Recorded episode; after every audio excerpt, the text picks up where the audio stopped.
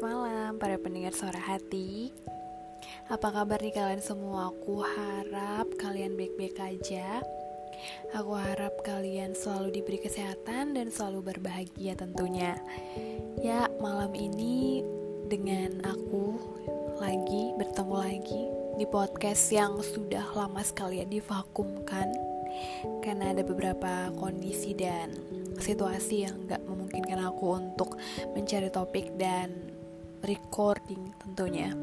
Dan malam ini akhirnya diberi kesempatan lagi untuk dapat menemani kalian dan membahas beberapa topik yang uh, lagi apa ya, lagi happening mungkin ya, dan sedang dirasakan untuk dirasakan oleh beberapa orang di luar sana. Jadi kemarin aku sempat uh, bikin Insta Story di Instagram aku dan uh, menanyakan kepada kalian topik yang mana nih yang bagus untuk kita bahas pada malam hari ini. Aku memilih dua opsi. Yang pertama itu tentang toxic relationship dan yang kedua adalah tentang uh, quarter life crisis. So, aku udah dapat hasilnya dan yang paling banyak memilih adalah tentang toxic relationship. Waduh, banyak juga ya yang milih tentang topik ini.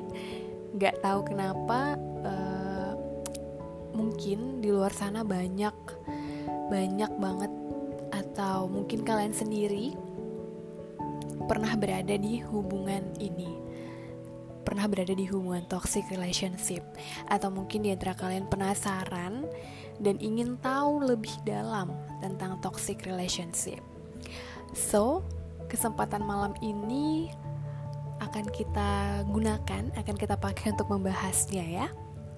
Aku udah ngumpulin beberapa materi, udah ngumpulin, udah baca-baca artikel juga tentang toxic relationship ini. Dan Aku mohon maaf kalau misalnya kurang akurat ya. Dan aku sangat uh, sangat sangat mengapresiasi tentang kritik dan saran dari kalian tentunya. Kalau misalnya juga uh, ada di antara kalian yang uh, punya masalah atau pengen ngebahas sesuatu nih, kalian bisa banget DM aku di Instagram dan ngomong aja mau di mau dibahas mau cerita tentang apa, mau bahas tentang apa dijamin semuanya akan tertutup dengan rapat ya, rahasia, terjamin. Oke, mungkin kita mulai aja ya tentang pembahasan malam ini. Toxic relationship. Apa sih itu toxic relationship, guys? Yang kita tahu toxic relationship nih dalam arti Indonesianya. Toxic itu racun, relationship itu hubungan. Artinya hubungan yang beracun. Waduh, dari istilahnya aja nih udah negatif. Nih uh, kita bahas. Apakah kamu selalu direndahkan diperlakukan gak adil atau menjadi sasaran amarahnya pasangan kamu? Kalau iya mungkin besar kemungkinannya kamu sedang berada di dalam toxic relationship. Guys, kondisi kayak gini gak boleh dianggap sepele karena bisa berdampak buruk buat kesehatanmu, buat kesehatan fisik dan juga mentalmu. Oke, okay. toxic relationship tuh hubungan beracun ya istilah nih yang digunakan buat anak-anak zaman sekarang dan beberapa uh, apa namanya psikolog ya tentang suatu hubungan yang kurang sehat, yang gak sehat, yang bisa berdampak buruk bagi keadaan fisik kita maupun mental. Hubungan ini tuh uh, gak hanya bisa terjadi pada pasangan kekasih, tapi bisa juga pada rekan kerja, lingkungan pertemanan, friend zone, bahkan toxic relationship juga bisa berada di keluarga. Dalam menjalani suatu hubungan nih ya, idealnya kan setiap individu tuh bakal saling menyayangi ya, menyayangi, mengasihi, memberikan rasa aman, nyaman. Tapi kalau misalnya kita ada di sebuah hubungan toxic relationship, justru itu kebalikannya yang kita dapat. Satu pihak itu biasanya lebih mendominasi dalam hubungan ini. Uh, mendominasi, berusaha untuk mengambil alih dalam sebuah hubungan, dan mungkin bisa jadi memanipulasi pasangan untuk mengontrolnya. Kalau artiannya sekarang itu gaslighting. Waduh, ngeri juga ya. uh, apa sih caranya yang bisa dilakukan untuk mencapai hal ini? Biasanya uh, oknum-oknum gila, oknum-oknum. Biasanya orang-orang yang ada di toxic relationship ini, salah satu pihaknya itu dia ngelakuin hal-hal yang uh, yang bisa ngebuat kita jadi berpikir gitu. Contohnya ketika mereka sedang marah, mereka bisa silent treatment. Kalian tahu tuh silent treatment? Jadi ketika mereka marah sama kamu nih uh, mereka tuh bakal diem gitu. Nggak nggak nggak berusaha untuk mencari jalan keluar gimana atau mencari solusi dalam sebuah permasalahan ini tapi mereka tuh malah diamin kamu seakan-akan kamu tuh yang salah dalam hubungan ini Sayangnya, karena saking bucinnya kita pada pasangan kita nih, berkedok sayang, berkedok perasaan ini, mereka tuh nggak sadar kalau mereka tuh ada di toxic relationship. Sampai nanti ada beberapa hal yang timbul seiring berjalannya waktu. Nah, biasanya orang yang ada di hubungan relationship ini lama-kelamaan tuh bakal ngerasain tertekan. Tertekan, kayak pengen marah tapi nggak bisa marah. Pengen emosi tapi nggak bisa emosi. Pengen ngungkapin rasa kecewa pengen ngungkapin rasa sedih itu tuh nggak bisa. Jadi kayak terpendem gitu. Nah ini yang nggak dibolehin berlarut-larut. Karena uh, bisa menurunkan uh, apa namanya kepercayaan diri kalian kepercayaan diri kalian bisa ngebuat kalian berpikir panjang bisa kena ke fisik kesehatan kalian ke fisik maupun ke mental health dan sebagainya. Nah salah satunya tuh uh, kalau jangka panjang tapi terusin kalian bisa ngerasain kecemasan yang berlebihan bisa stres bisa depresi dan ditambah lagi beban mental ini tuh bukannya nggak mungkin menyebabkan gangguan kesehatan fisik yang kayak aku tadi bilang. Uh, yang aku baca dari dari yang aku baca dari sumber artikel itu kesehatan fisik kesehatan fisik yang terjadi itu misalnya gangguan psikosomatik. Correct me if I'm wrong ya psikosomat uh, psikosomatik jadi uh, sangat-sangat kalian harus sangat-sangat aware tentang ini sih menurut aku ya Ih serem sih Gak seserem itu juga sih Tapi tapi bahaya untuk kita semua sih uh, uh, khususnya buat kita yang sedang menjalin sebuah hubungan. Nah, uh, kita sebutkan mungkin ya, bukan sebutkan sih. Kita bahas satu persatu lagi. Apakah ini ada di dalam hubungan kalian saat ini? Apakah kalian pernah selalu dikontrol oleh pasangan? Nah, tanda yang paling jelas nih dari sebuah toxic relationship itu adalah salah satu pihak selalu mengontrol pihak lainnya. Contohnya kayak pasanganmu tuh akan maksain kamu, maksain kehendak ke dia terhadap hidup yang kamu jalanin. Jadi tuh apa yang kamu lakukan semuanya tuh berdasarkan perintah atau persetujuannya dari dia. Walaupun mungkin keinginanmu tuh nggak sejalan gitu. Kamu tuh pengennya yang ini, kamu, kamu tuh pengennya yang A. Uh, menurutmu A ini bagus gitu kan. Tapi menurutnya dia yang bagus yang B dan kamu tuh harus ngikutin dia gitu mau nggak mau mau mau kamu suka mau kamu nggak suka mau kamu kayak gimana kamu pokoknya harus ikutin aku kayak gitu nah dia juga mungkin akan mengutarakan kalimat yang membuat kamu tuh harus menuruti kemauannya dia. Contohnya nih aku tuh kayak gini karena aku tuh sayang sama kamu. Gitu gitu nah kalau kamu nggak nurutin dia dia bisa aja nuduh kamu atau nuding kamu nggak sayang sama dia balik gitu. Kamu tuh harus ikutin aku. Kamu nggak sayang sama aku. Kayak gitu gitulah ya. Nah mau nggak mau dong karena kamu bucin dan kamu lagi-lagi sayang. Mau nggak mau kamu ngikutin dia. Dan kalian terjebak. Terus itu kemudian pernah nggak kalian tuh ngerasa kalian tuh nggak jadi diri kalian sendiri? Seperti uh, pokoknya kalian tuh bukan kalian yang dulu lah.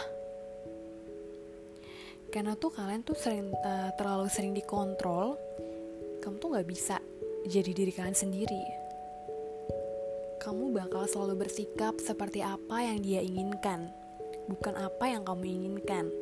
Bahkan ya, untuk sekedar berpendapat, untuk sekedar ngutarakan opini kamu, kamu tuh bisa sampai berpikir berkali-kali karena takut apa yang kamu ucapkan, apa yang kamu utarakan tuh uh, jadi masalah gitu di dia, jadi salah gitu di mata dia jadi misalnya nih kamu lagi ngobrolin tentang suatu hal gitu. Kalian harusnya yang bertukar pendapat ber, bertukar isi kepala jadinya uh, jadi masalah. Jadi runyam. Yang harusnya tadi nggak jadi masalah jadi masalah. Seperti itu. Kemudian ketika kalian uh, sedang menjalankan suatu hal atau suatu aktivitas kalian gak ngedapatkan dukungan apa pun dari dia. Harusnya kan sebuah hubungan itu kan ya. Kalau misalnya kamu nih sama pasangan kamu kan yang normalnya harusnya kan didukung satu sama lain kan. Nah, tapi kalau dalam toxic relationship ini, setiap apa pun yang kamu capai, yang kamu peroleh, itu tuh buat da, buat dia tuh jadi sebuah kompetisi. Uh, bahkan di saat kamu tuh lagi senang-senangnya pasangan kamu tuh jadi nggak seneng. Jadi nggak senang kalau kamu tuh berhasil melakukan sesuatu yang seharusnya membuat dia tuh bangga. Boro-boro nih dia ngasih dukungan dan apresiasi buat kamu. Kamu malah dapat uh, omongan kasar dan kritik yang gak ngebangun. So itu bisa menghambat perkembangan kamu sih ke depannya untuk karir kamu dan untuk perkembangan kesuksesanmu ke depannya itu bakal yang kayak terhambat habis-habisan. Selain itu juga kalian dicurigai dan dikekang. Dalam sebuah hubungan dicurigai itu mungkin emang wajar ya tapi ada takarannya. Boleh curiga tapi dalam hal yang jelas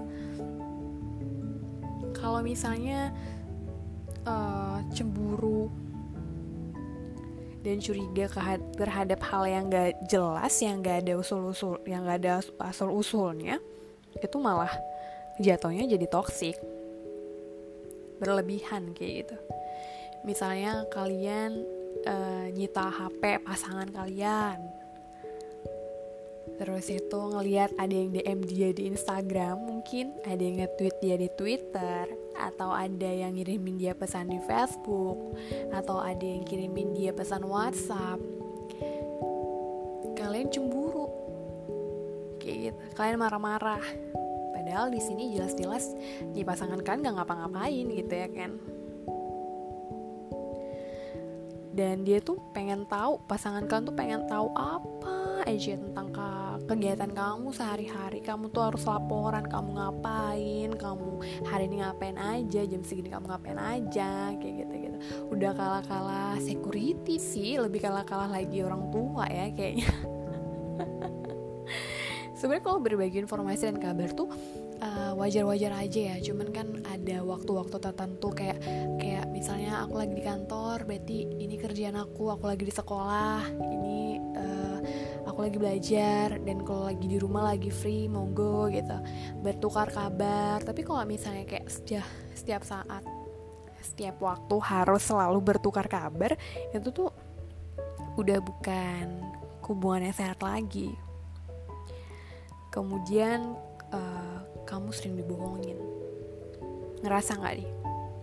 Jujur tuh memang salah satu pondasi untuk membentuk hubungan yang sehat. Namun kalau kamu sering berbohong dan menutupi banyak hal itu tandanya saat ini kamu sedang berada di toxic relationship. Contohnya apa nih? Contohnya nih misalnya uh, karena kamu misalnya kamu pengen jalan sama teman-teman kamu pengen hangout pengen jalan-jalan pengen reunian uh, tapi pasangan kamu gak suka kalau kamu kayak gitu. Pasangan kamu gak suka kalau kamu tuh jalan sama teman-teman kamu pacar kamu tuh pasangan kamu tuh gak suka. Kalau kamu menghabiskan waktumu bukan dengan dia maka di saat kamu melakukan itu dia akan marah. Ya kan? Nah karena kamu tidak ingin adanya sebuah keributan di dalam hubunganmu ini maka kamu berbohong kamu berbohong kamu akan melakukan segala hal supaya uh, kamu bisa pergi nih bisa melakukan apa yang kamu mau tanpa pengetahuan dia dan menimbulkan sebuah masalah kalau kamu udah ngerasa kayak gitu kamu terjebak di dalam toxic relationship, bestie. nah, dan yang terakhir nih, uh, ini yang menurut aku paling parah sih ya. Menurut aku uh, akibat yang bisa paling parah kita dapatkan kalau kita berada di toxic relationship yaitu menerima kekerasan fisik. Waduh. Berat ya. Karena uh, dalam toxic relationship ini gak cuman kekerasan verbal. Suatu hubungan dikatakan toksik kalau sudah ada kekerasan fisik di dalamnya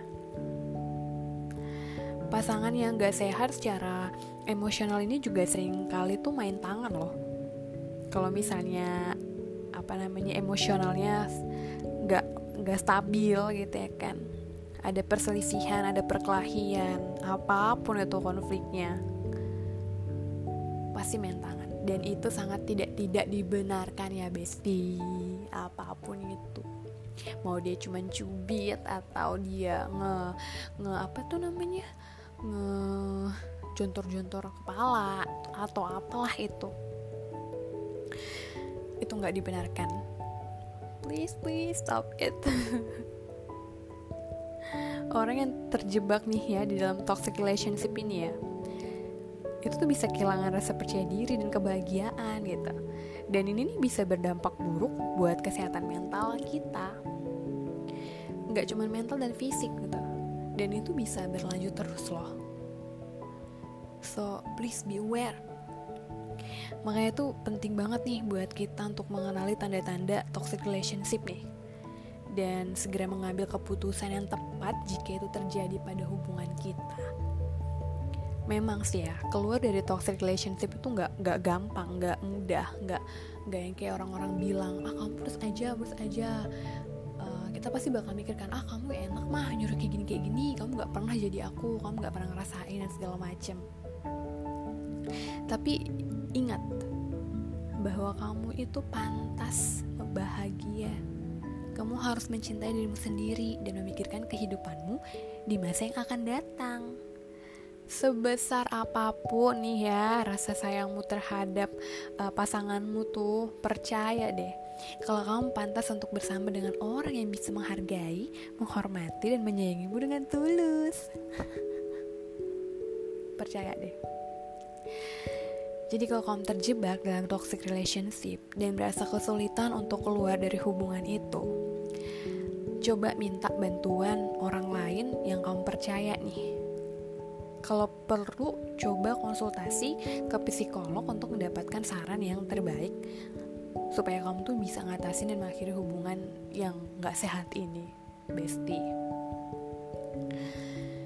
Harusnya sih malam ini uh, aku sama teman aku ya, sama narasumber yang pernah berada di dalam toxic relationship ini, tapi karena dia sedang tidak bisa datang, tidak bisa hadir, jadi kita ngebahas ini sendiri. Doa aku dan harapan aku untuk kalian semua di luar sana, yang mungkin sedang berada di toxic relationship atau pernah berada di toxic relationship aku harap kalian bisa bahagia kalian sehat-sehat terus kalian tuh pantas banget bahagia dan yakin deh kalian tuh bisa mendapatkan uh, pasangan yang lebih baik dari yang sekarang kalian tuh pantas bahagia. Jangan pernah ngerasa insecure dan gak percaya diri dan ngerasa kalau kalian tuh gak gak gak pantas bahagia dan gak ada yang bisa bahagian kalian selain orang ini. Jangan pernah berpikir kayak gitu ya. Aku rasa cukup mantuk malam ini.